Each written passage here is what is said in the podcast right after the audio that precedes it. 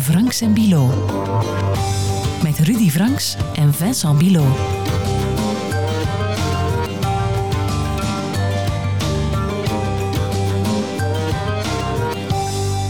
Vrouwen in Afghanistan vandaag nog slechter af dan onder het vorige Taliban-regime 20 jaar geleden? Dat is de vraag die we ons in deze aflevering stellen. Bijna een jaar zijn de Taliban opnieuw eh, aan de macht in Afghanistan toen ze in augustus vorig jaar in het machtsvacuum sprongen dat de gevluchte Amerikanen achterlieten, toonden ze zich aanvankelijk van hun meest progressieve kant. Hè. Ze waren al lang niet meer die radicale moslim-extremisten van twintig jaar geleden, beweerden ze. Nee, nee, we zijn de Taliban 2.0, gematigder, menslievender, ja, vrouwvriendelijker. Maar is dat opgepoetste imago één jaar later misschien toch geen fata morgana? We zoeken een antwoord op die vraag samen met Mariam Safi, die het eerste Taliban-regime aan de lijve ondervonden heeft. Heel erg welkom, Mariam. Dankjewel. Bedankt om uh, naar onze podcast te komen. Bedankt Jij voor de uitnodiging. Je bent in Afghanistan geboren, Mariam. Je hebt er van 1996 tot 2001 onder het uh, toenmalige Taliban-regime geleefd. Tot je dertiende, hè, toen je na 9-11 en de inval van Amerika in uh, Afghanistan naar ons land bent gevlucht. Je bent uh, advocaat, dichteres geef ik toch ook even. Zwaar hè? Je schrijft gedichten. Een beetje. Ja. En je bent ook uh, medeoprichter van De Derde Lijn. Hè? Een, mm. een vereniging die zich inzet voor Afghaanse nieuwkomers. Hè? Die hen helpt een beetje hun weg te vinden in de ja, in de Belgische samenleving? Um, ik ben niet een medeoprichter, uh, oprichter, maar uh, ik ben wel een lid van de Relenia, klopt. Je hebt een, je hebt een jongerenvereniging uh, opgericht, ja, dat is het wel. Mee, dat je, ja. inderdaad. maar dus jij, Mariam, die twintig jaar geleden zelf in het Afghanistan van de Taliban hebt geleefd, heb jij het eigenlijk een jaar geleden één seconde geloofd dat er een nieuwe, moderne Taliban aan de macht waren gekomen die wel respect zouden hebben voor de rechten van vrouwen? Uh, nee, absoluut niet. Nee. Uh, ik heb nooit geloofd in een mildere Taliban, in een betere Taliban 2.0.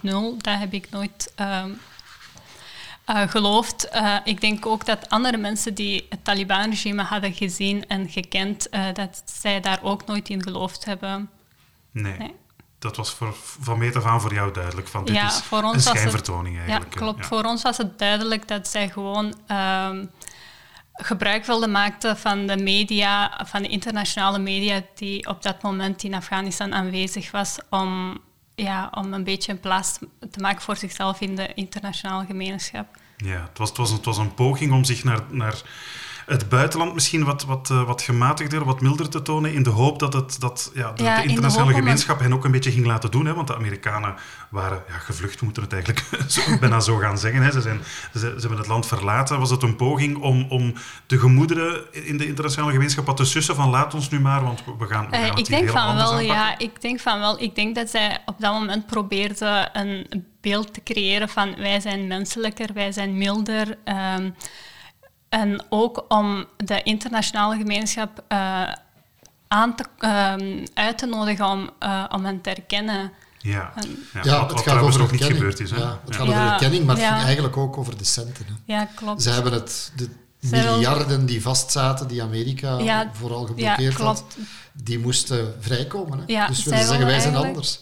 en je merkt het ook wel. Hè. De, de vrouwenrechten worden gekoppeld aan internationaal aan ja. aan wat men doet en mm -hmm. aan het geld dat vrijkomt ja, of niet. Ik geloof echt dat zij, uh, dat, dat, zij het als een tactiek gebruikte om uh, ten eerste om een erkenning te krijgen, uh, internationale erkenning te krijgen, om de centen vrij te krijgen.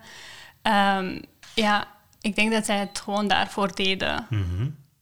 Rudy, wij hebben het uh, ja, eind vorig jaar in deze podcast al over het nieuwe Taliban-regime gehad toen je in december naar Afghanistan uh, was geweest. Toen uh, ja, de Taliban zo'n vier maanden ongeveer zeker opnieuw aan de macht waren. Ja, jij zag toen ook al, je hebt het gezegd in de podcast, al heel veel tekenen dat die vrouwenrechten al heel snel opnieuw onder druk zouden komen te staan. Hè? Ja, dat was voor mij de lakmoesproef, hè, of, het, of het iets ging veranderen of niet. En voor mij was het moment dat het zou duidelijk moeten worden, was maart, april dit jaar. Mm -hmm, ja. Ja, omdat dan het, de scholen zouden ja. terug open gaan. Want toen zei men, ja, we kunnen het praktisch nog niet aan om ze apart onderwijs te geven. De, zijn geen meisjesleerkrachten en zo. Dus maar tegen maart, april, dan komt alles goed. Dan zal alles in orde zijn. En dus dacht ik, ja, maart, april zullen we terug aandacht ervoor hebben. Ik wou zelfs teruggaan. Maar Oekraïne, hè. de oorlog heeft gemaakt dat heel de wereld Afghanistan een beetje vergeten is. Hè. Ja, klopt. Is dat een gevoel dat jij wel heel erg hebt nu op dit moment, Mariam? Ehm, ik, heb het eigenlijk ook in augustus gevoeld. Ik had het gevoel gehad dat ehm, Afghanistan in de steek was gelaten door, uh, door de rest van de wereld en vooral de vrouwen. Mhm. Vrouwen en kinderen. Ja. ja. Ja, Eigenlijk, de vrouwen hadden twintig jaar um, alles eraan gedaan om een plaats te creëren in de maatschappij, om te studeren. En zij zijn alle die dingen uh, verloren doordat de Taliban weer aan de macht is gekomen. Mhm. En ik vind het zo spijtig dat de rest van de wereld uh, gewoon niets heeft gedaan om hen te helpen. Of, ja. Ja, ik heb even de cijfers nog eens opgezocht, Vincent. Dat was, ik denk dat toen de Taliban van de macht verdreven waren, dat er 900.000 meisjes wat naar school gingen, lagere school en zo. Mhm. En dat er 9,5 miljoen, dus eigenlijk vier, ruim 4 miljoen vrouwelijke studenten uiteindelijk waren toen, uh, toen de Taliban teruggekomen zijn. En dat is nu allemaal plots stopgezet. Hè? Ja, ze zijn nu allemaal terug naar nul gegaan. En dat is toch wel heel spijtig. En ja, het doet me eigenlijk wel pijn om te zien hoe de rest van de wereld uh, van, van ver toe kijkt en die vrouwen gewoon aan hun lot overlaat en aan de Taliban overlaat. Mhm. Maar wat kunnen ze doen? Wat kan de rest van de wereld doen? Ja, eigenlijk, 20 jaar daar geweest, de oorlog verloren. Mhm. Ze konden niet, niet blijven op, op, op tornen tegen de Taliban die van het platteland kwamen. Wat konden ze doen? Persoonlijk vind ik dat, uh, dat ze langer moesten blijven. En ja, gewoon totdat... Uh, ik vind dat, uh, dat de buitenlandse troepen in Afghanistan langer moesten blijven en een systeem uitwerken op, om geen machtsvacuum te creëren, om toch de, het hele systeem op poten te zetten een werkend systeem. Want op het moment. Building, ja, zoals ja, Amerikanen dat dan noemen. Ja, wat ze eigenlijk want ja, op het moment dat zij weg zijn gaan, is alles gewoon neergestort. En ik denk dat, dat, wel, uh, dat we dat wel konden voorkomen. Ja. Uh, over over, over ja, de, de illusies die Afghanen al dan niet koesterden toen de Taliban opnieuw aan de macht kwamen, herinner ik mij ook dat je, dat je toen in december, Rudy, hebt gesproken met de Elam.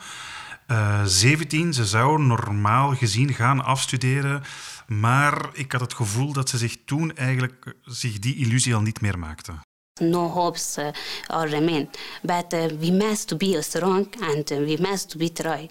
We cannot never, uh, we cannot never go to pass. Other generation, what uh, when uh, know about us, what they will say. They will say that we lost, we gave up, No, we must be an example for them, for a new generation.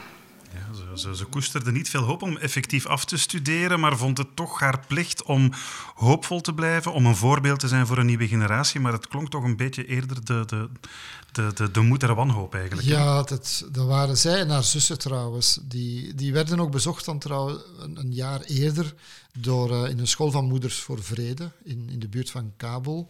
En dat was het met, uh, Wouter Torfs en Katrien van Doornen. Die dan, en die meisjes die maakten een heel ja, sterke indruk. Die school, ze zaten toen in het, uh, het laatste jaar van, van het middelbaar. En ze gingen naar de universiteit gaan. Ze gingen ondernemerster worden of ze gingen in zijn... Elham ging dokter worden, heel pinter. En toen ik ze dan terugzag, zaten ze al vier maanden thuis. Een beetje depressief. Ze hadden niemand van hun klasgenoten nog gezien. Zelfs de directeur van die school, want ik, ben, ik heb ze nu opnieuw proberen te contacteren, nu deze week. De directeur van de school, die eigenlijk heel een man, hè, voorstander was dat de meisjes konden terugkomen. Die vond dat heel erg dat die meisjes niet meer konden komen en was nu ook heel depri een beetje. Hij voelde zich, want hij heeft toen ook een interview gegeven en hij zei dat hij daarna eigenlijk er ook zelfs last mee gehad heeft. Een tikkeltje bedreigd is door de Taliban, dat hij zich uitgesproken had, publiek gezegd van dat het jammer was dat de meisjes er niet konden zijn. Alleen al dat zeggen was blijkbaar te veel. En sorry, Elham zelf heb ik niet meer kunnen vastkrijgen. Telefoon wordt niet meer opgenomen. Boodschappen komen niet meer aan. Dus je kan maar het ergste vrezen. Zijn ze in paniek gevlucht? Zijn ze onderweg ergens? Zitten ze gewoon thuis? Zijn ze hun telefoon kwijt? Ja, je wordt er niet vrolijk van. Nee. Want de, de, de eerste grote test voor de Taliban, de lakmoesproef zoals je het daarnet noemde, die, die was inderdaad in maart, hè, toen uh, de scholen opnieuw zouden opengaan. Toen uh, ja, kregen we dit soort tafereelen te zien.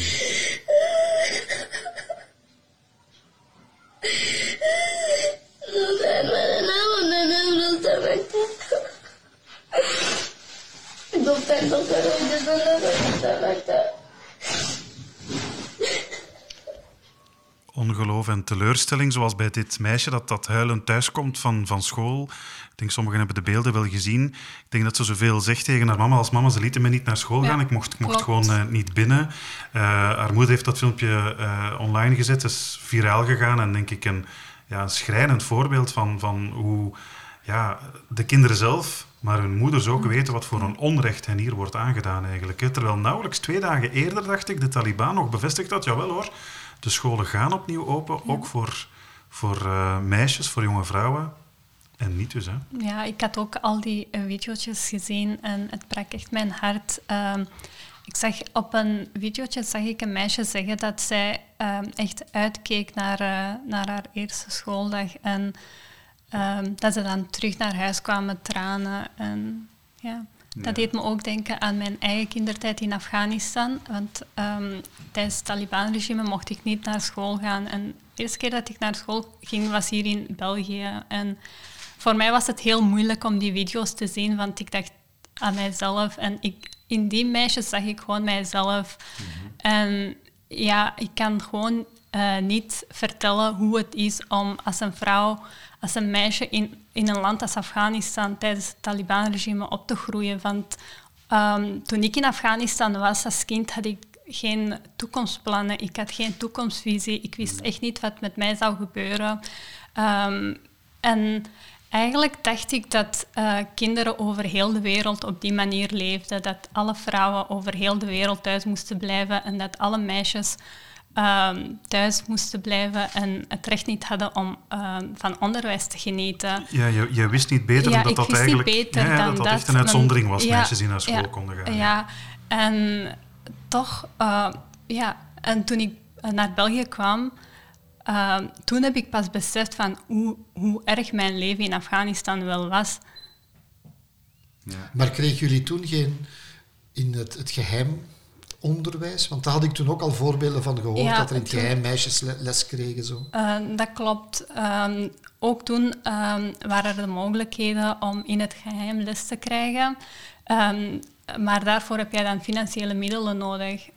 gezinnen die wel geld hadden, konden hun kinderen wel uh, naar uh, naar die scholen sturen. Zou dat nu opnieuw zijn? Dat ze zo in het ehm, geheim zich gaan organiseren? Ja, ik, ik had ook wel uh, op Twitter gezien beelden van, uh, van mensen die in het geheim onderwijs organiseerden voor meisjes. Dus dat gebeurt nu nog altijd, maar daarvoor heb je financiële middelen nodig. En het lespakket is ook niet uitgebreid. Je kunt het niet vergelijken met gewone onderwijs. Uh, ja, daar krijg je gewoon ja, gewoon basislessen, gewoon leren schrijven, leren lezen. En Elham kan bijvoorbeeld geen dokter worden? Zo, nee, nee, nee zo kan je echt niet een dokter worden of gewoon fatsoenlijk opgeleid worden. Dat is totaal niet te vergelijken met, middelbaar, uh, met middelbare school. Maar ik heb nog één. Jij wist toen niet beter. Hè? Jullie wisten niet als meisjes. Jullie dachten we moeten thuis blijven en op twaalf moeten we, worden we uitgehuwelijkt. En dat, dat is het aan ons leven. Deze meisjes weten wel beter. Als ik met Elham sprak, zij hebben wel dromen. Zij weten dat er een andere wereld is. Ja, voor hen is het natuurlijk veel zwaarder en veel moeilijker, omdat zij, uh, zij zijn geboren in een ander tijdperk. Zij zijn geboren na het uh, val van het Taliban-regime. Zij hebben wel uh, een toekomstvisie gehad en zij, zij dachten van wij zijn de toekomst van het land. Wij gaan... Um, wij gaan onze dromen waarmaken. Mijn nichten zijn ook in Afghanistan en zij hadden ook uh, toekomstplannen. Mijn nicht wilde bijvoorbeeld uh, dokter worden. Zij was aan het voorbereiden voor, uh, voor toelatingsexamen voor geneeskunde. Mijn andere nicht wilde rechter worden. Allemaal meisjes van 19, 17, vol dromen, met supergrote dromen. ja, nu zijn alle hun dromen gewoon de lucht ingegaan. En voor hen is het super, super moeilijk. Uh, voor ons was het inderdaad anders. Ja, ik, was, toch, ja, ja, ik was tijdens oorlog geboren, ik was tij, uh, tijdens oorlog opgegroeid en ik kende niets beter. Zij kennen wel iets beter en zij hadden gehoopt op iets beter. Hmm. Over rechters gesproken, jouw nichtje wil rechter worden. Ik had toen vorig jaar een, een rechter gesproken, een vrouwelijke rechter. Er waren honderden, enkele honderden vrouwelijke rechters in Afghanistan, waarvan er 200 op de vlucht waren of ondergedoken. Hè. Meer dan de helft probeerde te vluchten. En de rechter die ik toen gesproken had, die leefde ondergedoken van het ene huis naar het andere. Als vrouwelijke rechter had zij Taliban durven veroordelen en in de gevangenis stoppen, dus dat schrik. Is nu eigenlijk ook al de grens overgeraakt uiteindelijk in Pakistan. En leeft daar nu, ja, ze kan nergens naartoe. Zoals zoveel van die. Het is dus niet alleen geen school, maar wat moet je daarna gaan doen? Niets als vrouw kan je, denk ik, uh, niets meer doen in Afghanistan. Want uh, ze worden gewoon uitgesloten van alle mogelijke vlakken van het leven, van het sociaal leven. En ik denk dat de rol van de vrouwen gewoon gereduceerd wordt tot uh, kinderen baren en zorgen voor de kinderen, zoals tijdens het eerste regime van de Taliban. Mm Heb je veel contact met uh, bijvoorbeeld je, je, je nicht uh, um, in, in, in Afghanistan? En hoe, ja, hoe, hoe gaan zij doorheen deze tijd? Deze, hoe nemen ze deze teleurstellingen? Uh, en hoe proberen ze heb, ja, ja, toch ergens op een of andere manier zich ergens aan vast te klampen of zo? Um, ik heb contact met mijn nicht in Afghanistan. Um, mijn nichtje was 18, nu is, het, nu is zij 19 en zij is nu verloofd. En ja, ze gaat trouwen omdat haar ouders bang waren dat zij ontvoerd zou worden door de Taliban of verkracht zou worden. Dus ja, de enige oplossing en de enige mogelijkheid voor vrouwen, voor jonge meisjes, is om gewoon te trouwen. Ja, dat herinner ik me, heb jij in december ook eigenlijk vastgesteld, hè? dat heel veel, heel veel meisjes op dat moment uitgehuwelijkd werden ja. uit een soort ja. wanhoops... Uh, en zelfs op steeds jongere leeftijd, hè? Ja. Omdat er geen andere toekomst was. Nee. Maar gaan die vrouwen in opstand komen in godsnaam? Uh, zij zijn al op, in, in opstand gekomen en het is uh, sinds augustus bezig. Zij komen geregeld op straat, en, maar ook zij zijn niet veilig. Het is uh, super onveilig om te protesteren tegen de Taliban. En, ja. Nu, jij bent van Afghanistan, je kent de Afghaanse mannen, die cultuur. Wij kunnen ons dat moeilijk inbeelden hier natuurlijk. Maar waarom hebben die Taliban of die Afghaanse mannen zo'n schrik voor vrouwen? Waarom? Ik, wij begrijpen dat niet meer. ik begrijp het ook niet, maar um, ik probeer het te begrijpen. Um, leg, ik het, denk, leg, het, ons uit. Ja. ik zal mijn best doen. Um, ik denk dat zij gewoon... Uh, ik denk oprecht dat zij bang zijn van de vrouwen en de potentie van de vrouwen. Vooral de Taliban. Um, omdat uh, zij zijn opgegroeid met patria patriarchale waarden en normen. En uh, het patriarchaat geeft hen superveel macht. Mm -hmm. Het creëert een soort van genderrollenverdeling waar mannen dominant staan en vrouwen zijn ondergeschikt aan de mannen. Mhm. En eh, de enige uh, functie van de vrouw is om, de, uh, om ter dienst van de man te staan en de, de, man te bevredigen, seksueel te bevredigen en zijn bloedlijn in de stand te houden. Dat, dat is het enige functie dat het patriarchaat aan de vrouw geeft.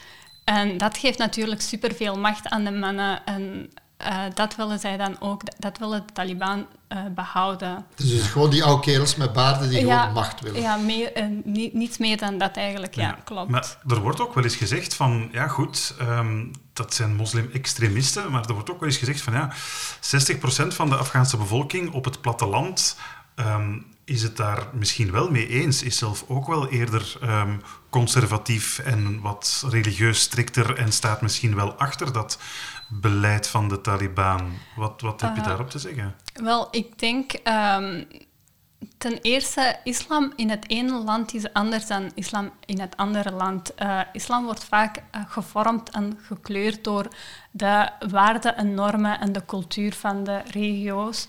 Um, in Afghaanse steden, in Afghanistan, in de steden, um, hebben mensen hun pre-islamitische waarden en normen en hun pre-islamitische cultuur behouden, waardoor de islam daar ook veel milder was um, dan in, het, uh, in de dorpen en vooral in het zuiden van Afghanistan, daar zijn mensen veel traditioneler en zij hebben, die, uh, zij hebben een andere cultuur dan mensen in de steden. Je bedoelt de Pashtun van het zuiden eigenlijk? Ja, in, in het zuiden wonen Pashtunen. Ja, de Taliban komen daar uh, van, van, voornamelijk van het zuiden. En in het zuiden, ik denk dat zij in het zuiden echt wel geloofden in de in de beperkingen die de Taliban nu oplegt op de rest van de bevolking. Ik denk dat zij daar echt oprecht in geloven en daarvan overtuigd zijn, ehm, terwijl de rest van het land uh, niet in die waarden normen gelooft.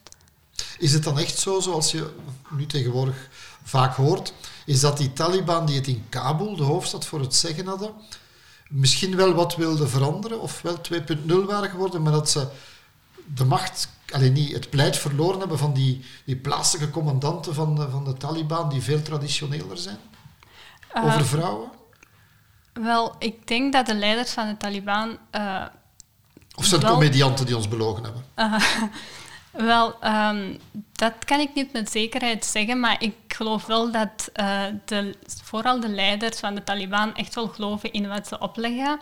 Um, en om conflicten en confrontaties onderling te vermijden, kunnen zij nu de, die dingen niet meer veranderen.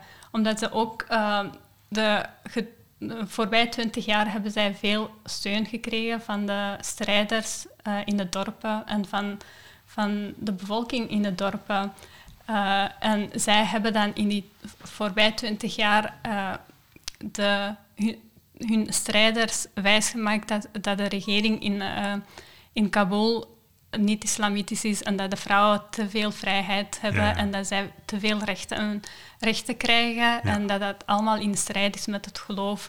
Ehm, en nu kunnen zij dat niet veranderen. Als zij dat veranderen, dan komen zij niet meer geloofwaardig over bij hun eigen aanhangers en bij hun eigen strijders. Dus eigenlijk hebben ze de vrouwen opgeofferd voor ja, de vrouwenrechten, voor, ja, voor, voor uh, om, ja, om terug aan de macht te komen. Ik, ik ga een voorbeeld geven.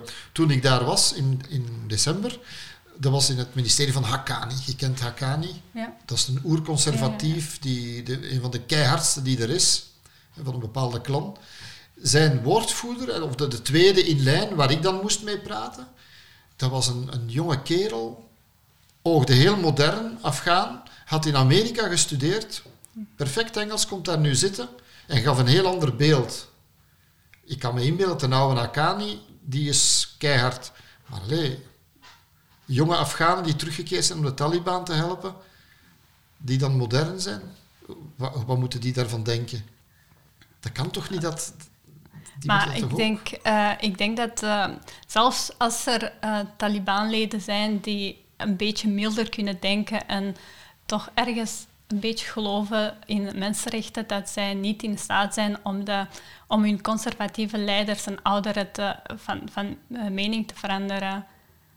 Anders komen er breuken, onderlinge breuken, en dat kunnen zij zich niet permitteren. Maar de prijs is zo hoog. Europa wil het geld, of Amerika en de internationale gemeenschap wil het geld niet geven om het personeel voor onderwijs te betalen als de meisjes niet naar school mogen. Hmm.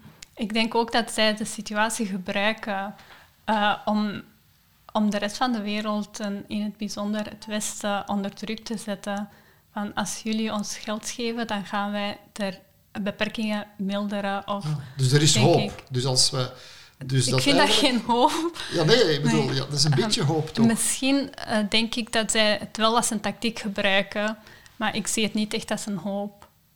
Ik zie het gewoon als een spelletje. Mm. Dat zij gebruiken gewoon, zij offeren de vrouwen op om uh, om aan de macht te blijven. Een soort van marchandise, een beetje, om te marchanderen ja, ja. ja, over die onderdrukking van de vrouw gesproken, we hebben het al gehad over onderwijs, dat weer uh, ontoegankelijk gemaakt wordt voor meisjes, wat ook helemaal terug is van, van weg geweest, eh, of well, wellicht niet, nooit helemaal weg geweest, maar toch is de niqab, hè. Uh, was uh, onlangs nog in het nieuws dat nu ook de, de, nieuws, de vrouwelijke nieuwsankers uh, verplicht moeten presenteren met, um, met zo'n niqab. En uh, dit Afghaanse nieuwsanker bijvoorbeeld vertelt dat ze zich ja, niet alleen onder druk voelt onderdrukt voelt daardoor, maar ja, dat het ook gewoon ronduit onpraktisch is om met je neus en mond bedekt het nieuws te moeten presenteren. For a presenter who's sitting on the chair and presenting the news for more than four, five or six times in a day, it's very difficult to cover our, our mouth, our nose, our face.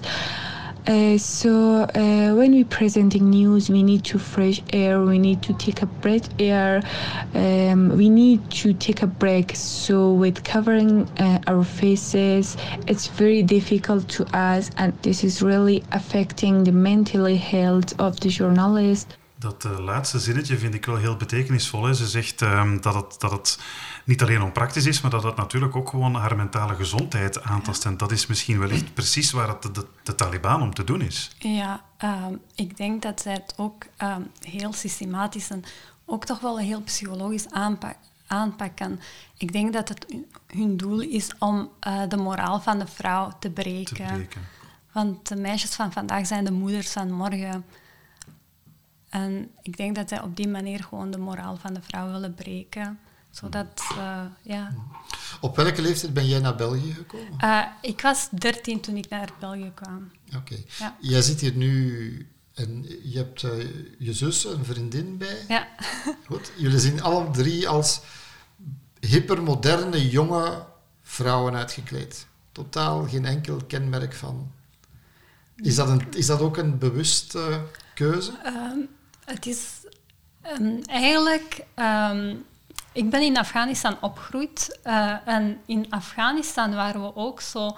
Oké, wij hadden niet de vrijheid uh, om ons te kleden zoals wij ons wilden kleden, maar vanuit onze familie uh, hadden wij geen beperkingen op dat vlak. en ook niet op het vlak van eigen opvattingen hebben, eigen manier van leven hebben. Dat hadden wij niet, uh, niet meegekregen van, vanuit onze families. En zo zijn er heel veel andere families uh, in de steden en in het noorden van Afghanistan die gewoon uh, een gematigde vorm van islam kennen. Voor ons was het ook, wij zagen het islam buiten ons huis, het islam dat opgelegd werd van, door de Taliban, dat was voor ons iets vreemds, want onze islam was anders. Um, bij ons thuis hadden mensen andere opvattingen over islam. Mijn vader had andere opvattingen, mijn uh, oom, uh, oma had andere opvattingen. Maar je werkt met, ook met jonge meisjes uit Afghanistan. Je, je, je, kent er heel wat in België. Ja, klopt. Vinden zij het belangrijk om zich traditioneel te kleden of net um, andersom? Ook hier in België zie je een verschil tussen um, van, waar, uh, van waar ze ja? komen. Uh, mensen die uh, van de steden komen, zijn gewoon, mm -hmm. ze hebben dezelfde um, religieuze en culturele mentaliteit, mentaliteit als, um, als, als wij hebben. En mensen die uh, van dorpen komen, vooral mensen die um, uit het zuiden komen, zij hebben een andere versie van islam en zij hebben ook andere culturele waarden en normen. En zie je dat veranderen hier? Of niet? Ja, ik weet dat het een heel gevoelig thema is, maar ik bedoel, om, omdat het beeld dat ik van, van, u hier heb en van, u, van uw zus en haar vriendin, is helemaal anders dan het beeld dat je kinder krijgt van ja, Afghaanse um, vrouwen en meisjes. Of het hier um, verandert. Ik denk, uh, eerlijk gezegd, ik, ik heb niet zoveel contact met meisjes uh, die afkomstig zijn uit het zuiden van Afghanistan. Dus ik kan niet zeggen of, uh, of het wel eva evalueert, uh, evalueert sorry. Uh, dat kan ik niet zeggen, maar uh, ik ken wel het beeld van, van Afghanistan. -hmm. Ja. Kun je het ook nog eens hebben over de, de, de, de rol van de, van de mannen bijvoorbeeld in Afghanistan en hoe zij omgaan met die, die nieuwe opgelegde Taliban-regels? Een heel mooi voorbeeld van het feit dat niet alle mannen zich daar zomaar uh, bij neerleggen is uh, die nieuwslezer, die, die collega denk ik van de vrouw die we daarnet hoorden, die, ehm, die als reactie zelf ook met een, een mondmasker op is beginnen presenteren om zich solidair te tonen. En dus die, die Afghaanse nieuwslezeres van daarnet, die, die geeft ook aan dat er heel wat mannen zijn die in Afghanistan zelf eigenlijk ook helemaal niet akkoord gaan met die vrouwenvriendelijke regels van, uh, van de Taliban.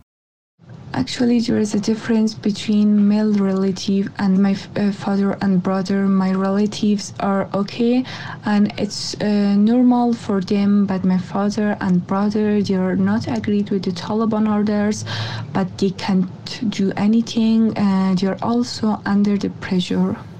Ook mannen staan eigenlijk onder druk om die regels na te leven, want, want dat, dat wist ik niet. Ook zij kunnen gestraft worden als hun, als hun vrouw of hun dochters uh, zich niet aan de regels uh, houden.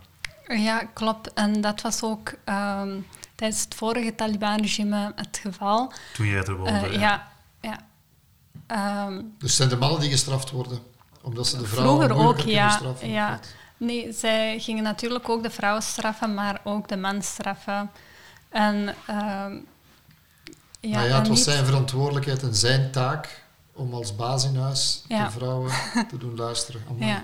Ja. eigenlijk wel, ja. En ja, uh, niet alle mannen steunen het gedachtegang van, uh, van de Taliban. Mijn eigen familie, mijn, mijn vader was tegen, uh, tegen het Taliban-regime en dat was ook voor hem de reden om te vluchten. Um, ook andere mannen in mijn familie wilden dat wij, uh, dat wij alle rechten hadden die, die aan ons toekwamen. Mm Als vrouw en als meisje ja. en als mens. Ja, want ja, wat ook gezegd wordt, bijvoorbeeld door een, een, een dokteres die we in Afghanistan hebben uh, gecontacteerd, wat, wat, wat ook gezegd wordt, is dat door de, de, de nieuwe regelgeving of de, ja, de herinvoering van de, van de oude regels van de Taliban, ja, vrouwen zich tegenover mannen ook soms een beetje vogelvrij uh, verklaard uh, voelen. Luister even mee hoe ze dat probeert te uh, verwoorden. When I'm going to outside of the home, I'm going to with full of stress because I'm thinking that maybe around me, the men who are walking, they have Taliban idea. I'm thinking of maybe in a minute, maybe I'm going to be kidnapped. Maybe in a minute, I'm going to be raped. Maybe in a minute, I'm going to be vanished. This is why Taliban want. Taliban wants to vanish Afghan female from the society. My my father, my brother are just when Taliban are uh, uh, uh, putting so many policies, they are just broadcasting by TV and by, by media. My family pushing me to stay at home and not going to out, outside of the home. De Taliban geven eigenlijk aan de mannen het gevoel dat ze zich bij wijze van spreken alles kunnen permitteren tegenover vrouwen. En omgekeerd geeft dat aan vrouwen weer het gevoel dat ze nergens meer veilig zijn behalve thuis. En ook dat is misschien exact weer wat de, de Taliban eigenlijk wil, dat, dat vrouwen zich dan maar uh, erbij neerleggen dat ze ja, gewoon beter af zijn thuis. Maar ja, ze zeggen ook dat ze het voor de veiligheid doen. Hè? Ja. Het is zo gezegd voor het goed van de vrouw, want dan... Uh, we moeten ze beschermen tegen die boze mannen, maar ja, dat is een beetje Je geeft raar, de boze mannen een vrije kaart van... Ja, dat is, dat is de, de, de, daders, allee, de slachtoffers eigenlijk de schuld geven ja. bijna. Hmm. Zo is het eigenlijk wel, ja. ja. Maar uh, die dokteres, uh, Tamara heet ze trouwens, uh, ja, die, die blijft niettemin toch strijdvaardig. En daarover wil ik het dan tot, tot slot ook nog eens hebben, over de strijd van de, van de vrouwen die het toch proberen te blijven opnemen voor die Afghaanse vrouwen. Eh, want, want bijvoorbeeld Tamara, de dokteres, zegt ook, ja, ze heeft niet voor niets zeven jaar geneeskunde gestudeerd, plus een specialisatie om nu gewoon thuis te blijven.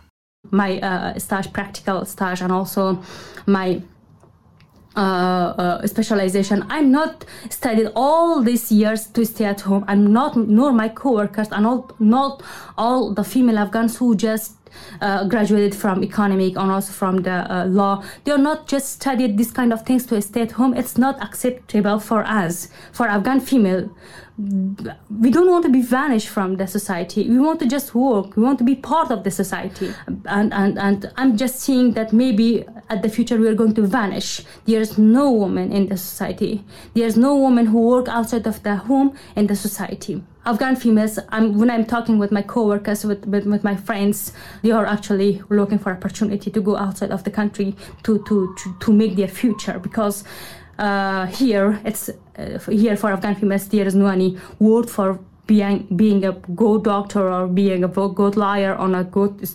teacher because they are going to search the brightness of themselves in the future outside of the country, not inside of the country. Tamara ziet voor Afghaanse vrouwen geen toekomst meer in Afghanistan zelf en zegt ze, steeds meer Afghaanse vrouwen gaan hun toekomst buiten Afghanistan zoeken. Is dat ook het gevoel dat jij hebt? dat, ehm. dat er voor veel Afghaanse vrouwen niks anders op zit? Of dat, dat het het laatste is waar ze, waar ze, nog, uh, waar ze nog van kunnen dromen? Uh, ja, zeker. Ik heb, uh, het is ook duidelijk dat eh, Afghanistan een land is geworden waar, ehm, waar voor vrouwen geen plaats meer is. Als vrouw heb jij in Afghanistan niets meer te doen dan thuisblijven, uitgehuwelijkd worden, kinderen krijgen en het liefst zonen krijgen. Onze documentaire heet het trouwens Geen land voor vrouwen, Afghanistan. Ja. No country for women. Nee. Dat is erg, hè? Maar ja, is... dan verlies je de helft van de creativiteit, van, de, van, het, van het goede van de maatschappij als je de vrouwen opsluit. Dat is ook zo. Uh, vrouwen uitsluiten van alle aspecten van de maatschappij zorgt ervoor dat de, de komende generaties ook uh, niet meer kritisch zijn en ook niet meer bewust zijn van hun eigen rechten en plichten. En zo willen de Taliban eigenlijk ervoor zorgen dat hun beleid op lange termijn uh, aan de gang blijft. Ja, Gaat dat, dat lukken, niet meer. Gaat de Taliban lukken? In deze wereld kan dat? Uh, met sociale media, met... Ik herinner me beelden, hè, ik ben al een oudere mens, van dat de Taliban toen zei dat ze aan de, aan de grenzen, want je kon niet zomaar binnen, mhm. er was geen televisie vrij, er was geen, geen internet. En dan de, de bandjes van uh, cassettebandjes, herinner je nog? Ja, ja, ja, heb ik nog. Hè, die werden dan uitgerold en videobandjes en die werden dan aan de grenzen opgehangen aan stokken zo. Er mocht niks binnen wat de mensen hun geest zou op andere ideeën brengen. Dat kan toch niet meer nu? Meisjes hebben internet, ze hebben een smartphone, er is televisie geweest ergens heb ik hoop. Um, en in augustus had ik hoop omdat uh, eh, 25 jaar geleden, toen de Taliban aan de macht kwamen, uh, was Afghanistan in een andere situatie dan nu. Toen was, uh, waren mensen oorlog, eh, de burgeroorlog, beu geworden. En, en in het buitenland waren er ook geen. in het buitenland was er niemand meer om om hun stem te laten horen. Maar nu bij een diaspora, Afghaanse diaspora in het buitenland. Uh, en de vrouwen daar in Afghanistan zelf hebben, hebben de twintig jaar uh, alle kansen gebruikt om zelfstandig te worden, om, uh, om mee het beleid vorm te geven. Dus ik had hoop dat, dat het voor de Taliban moeilijker zou zijn om om op lange termijn aan de macht te blijven. En die hoop wil ik graag koesteren en niet verliezen. Maar op dit moment heb ik, kan ik totaal niet zeggen van hoe lang het nog zal duren of hoe lang de Taliban aan de macht zal blijven. Dat kan ik helaas niet op dit moment niet voorspellen. Misschien om hoop te geven wat geweten is, kan je niet meer ontweten. Ja. Je kan wat de mensen kennen niet meer uit hun hoofd halen. Nee. Ik heb ook een beetje het gevoel dat, dat de internationale gemeenschap die, die vrouwenrechten in Afghanistan op een manier zal moeten afkopen met, met, economische, ja, met, uh, met economische instrumenten, zoals, zoals ze nu ook in, al vaak doen in andere landen. Hè. Ja, want het is... Zal dat toch weer de hefboom een beetje moeten zijn? Er dreigt een catastrofe natuurlijk, hè, van hongersnood, van ziektes, van... Hè, want er is heel veel problemen in Afghanistan. Als ze geen geld hebben, en dat geld hebben ze dringend nodig, maar gaan anders de Taliban onder druk komen te staan van hun eigen bevolking, wegens de honger, wegens de... Ik weet het niet. Um, Afghanen zijn taaie mensen. Ja, ik vind het afkopen van mensenrechten, vooral van vrouwenrechten, uh, geen hoopvolle manier om naar de toekomst te kijken. Van dat is eigenlijk hun doel en zo willen zij op lange termijn aan de macht blijven. Maar wat is het alternatief? ze niet afkopen en da, dan uh, een grote volgens crisis? Volgens mij is uh, het alternatief is om zich te verzetten tegen de Taliban.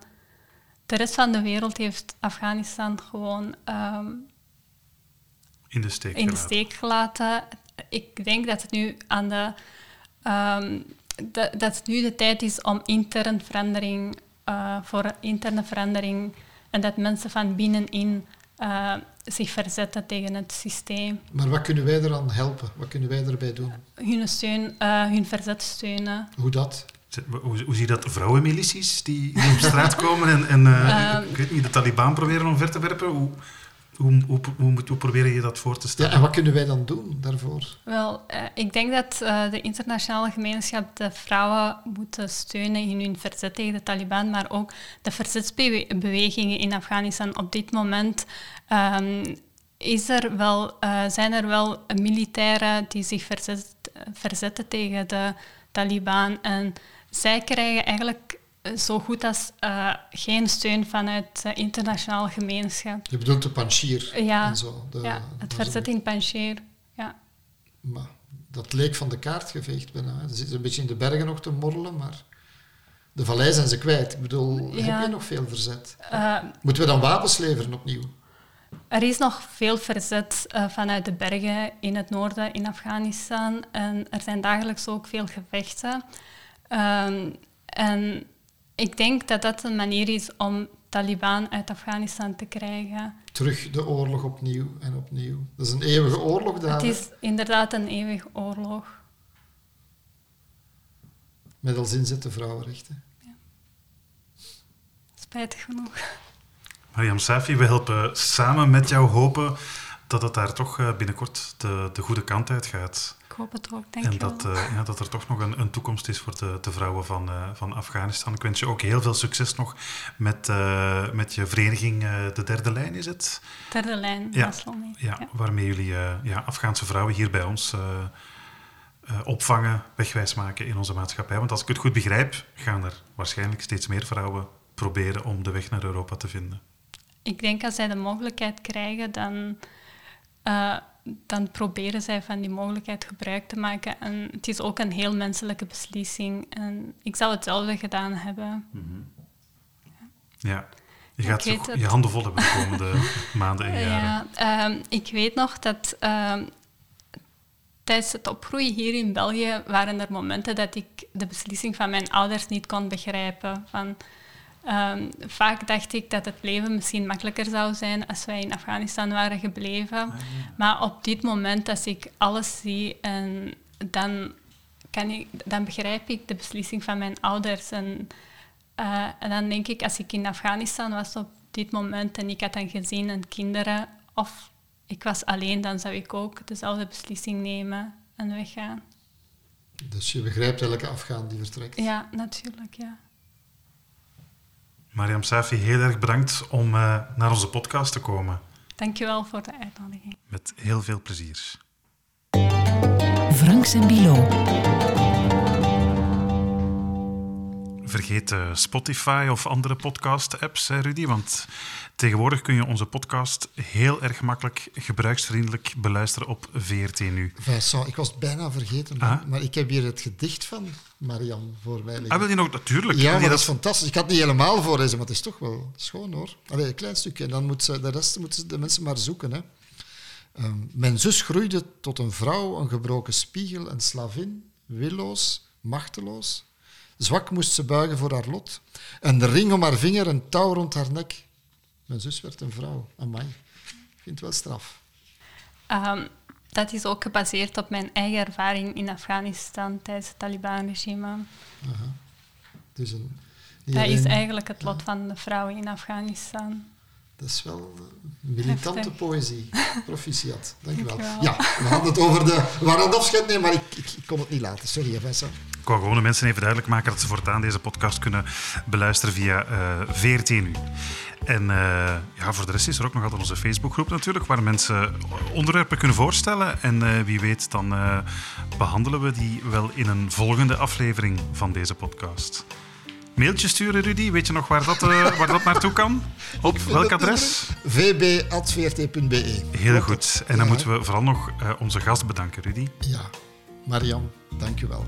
Dank je wel, Rudy.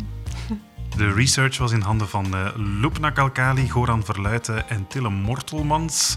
En de eindredacteur die zit er hierbij, dat is Vincent Merks. Ja, social die uh, zijn in handen van uh, Goran Verluiten. En presenta presentatie, dat, dat, dat waren wij zeker, hè? Ja, ja. Vincent. En Rudy. Ja. Voilà. Ook wel bekend als Franks. Ook. en, Absoluut. En en Bilo? Ja, zo heet het. Podcast, Rudy, zeg. Ja, Nog maar ja, vijf ja, jaar ja, of zo. Juist, ja. Oké, okay, goed. Met een beetje geluk, zolang we geen ja, ruzie maar ik zat krijgen. in de poëzie met mijn tot, hoofd. Natuurlijk, natuurlijk. Tot onze volgende afspraak, en dat is over twee weken. Franks en Bilo.